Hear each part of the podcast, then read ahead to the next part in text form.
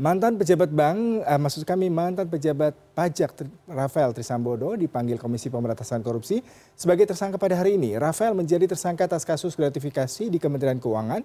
Dan untuk mengetahui situasi terkini kita sudah bergabung bersama rekan saya maria sarjana langsung dari gedung kpk jakarta. Maria apakah agenda pemeriksaan hari ini yang berbeda dari sebelumnya? Karena pasti akan ada pemeriksaan materi materi terutama terkait mungkin tidak hanya gratifikasi tapi juga sangkaan tppu mungkin maria juga bisa menceritakan tentang hal ini dan juga kira kira pasal apa saja yang akan dikenakan kepada rafael. Silakan dengan laporan anda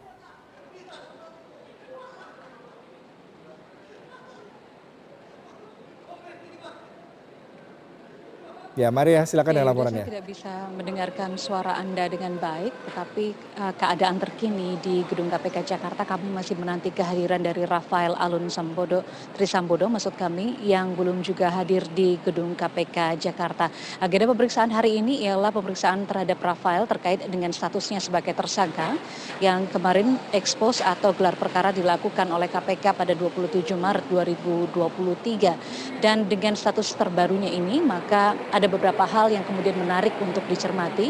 Kalau banyak pihak kemudian mempertanyakan mengapa setelah menjadi tersangka Rafael juga tidak segera ditahan, maka uh, Yuda penahanan terhadap tersangka sebetulnya adalah wewenang hak prerogatif dari penyidik eh, uh, KPK itu sendiri. Jika penyidik menganggap bahwa perlu untuk melakukan penahanan terhadap seorang tersangka, maka akan segera dilakukan penahanan terhadap seorang tersangka termasuk kepada Rafael Alun Trisambodo.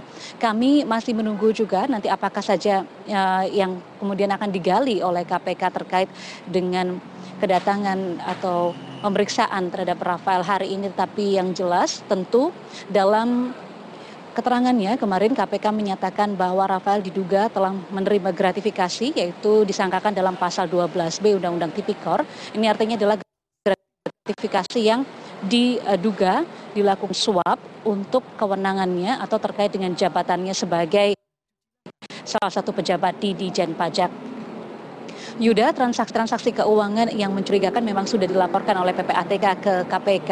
Di antaranya adalah PPATK eh, juga sudah memblokir 40 rekening milik Rafael uh, Alun Trisambodo yang bernilai fantastis. Bahkan PPATK menyatakan dikatakan ada mutasi rekening. Dari 40 rekening tersebut ada sekitar 500 miliar mutasi yang dilakukan oleh Rafael uh, Alun. Dan kemudian dalam LHKPN tahun 2021 ada senilai 56,1 miliar rupiah.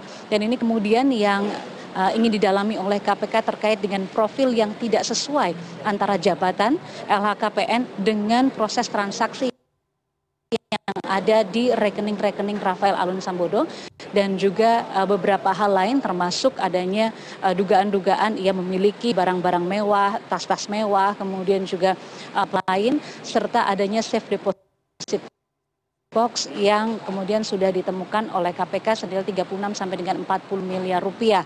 Dan ini menjadi angka yang cukup fantastis jika kita melihat Prof. Rafael Alun Sambodo yang merupakan uh, pejabat Dijen Pajak ini dianggap oleh KPK menjadi sesuatu hal yang tidak sesuai. Dan bahkan ketua PPATK sempat menyatakan ketika ia eh, melakukan Eh, pemblokiran terhadap rekening-rekening milik Rafael Alun.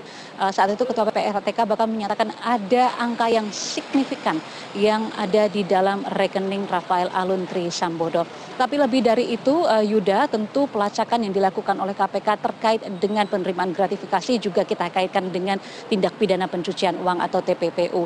Dalam pendalaman-pendalaman KPK, KPK juga sudah menyebutkan Eh, mereka tengah saat ini mendalami eh, peran-peran dari Rafael Alun Trisambodo dan juga beberapa pihak yang terkait dengan aliran dana yang ada dalam mutasi rekening di 40 rekening milik eh, Rafael Alun Trisambodo. Tentu pencucian uang ini juga menjadi sesuatu hal yang cukup diperhatikan tidak hanya dalam pengungkapan kasus korupsi tetapi juga bagaimana usaha atau upaya Indonesia untuk menjadi anggota Financial Action Task Force on Money Laundering and Terrorism Financing atau FATF yang Indonesia sudah melakukan atau mengupayakan ini sejak 2017 tapi sampai dengan tahun ini Indonesia masih belum bisa masuk dalam keanggotaan FATF. Sedangkan ada beberapa hal uh, Yuda yang kemudian diuntungkan ketika Indonesia masuk ke dalam FATF di antaranya adalah Indonesia mendapatkan mendapatkan hak keistimewaan dalam melakukan cross border transaction dan ini artinya akan mengurangi cost dari penjualan serta mendapatkan keistimewaan yang lain terkait dengan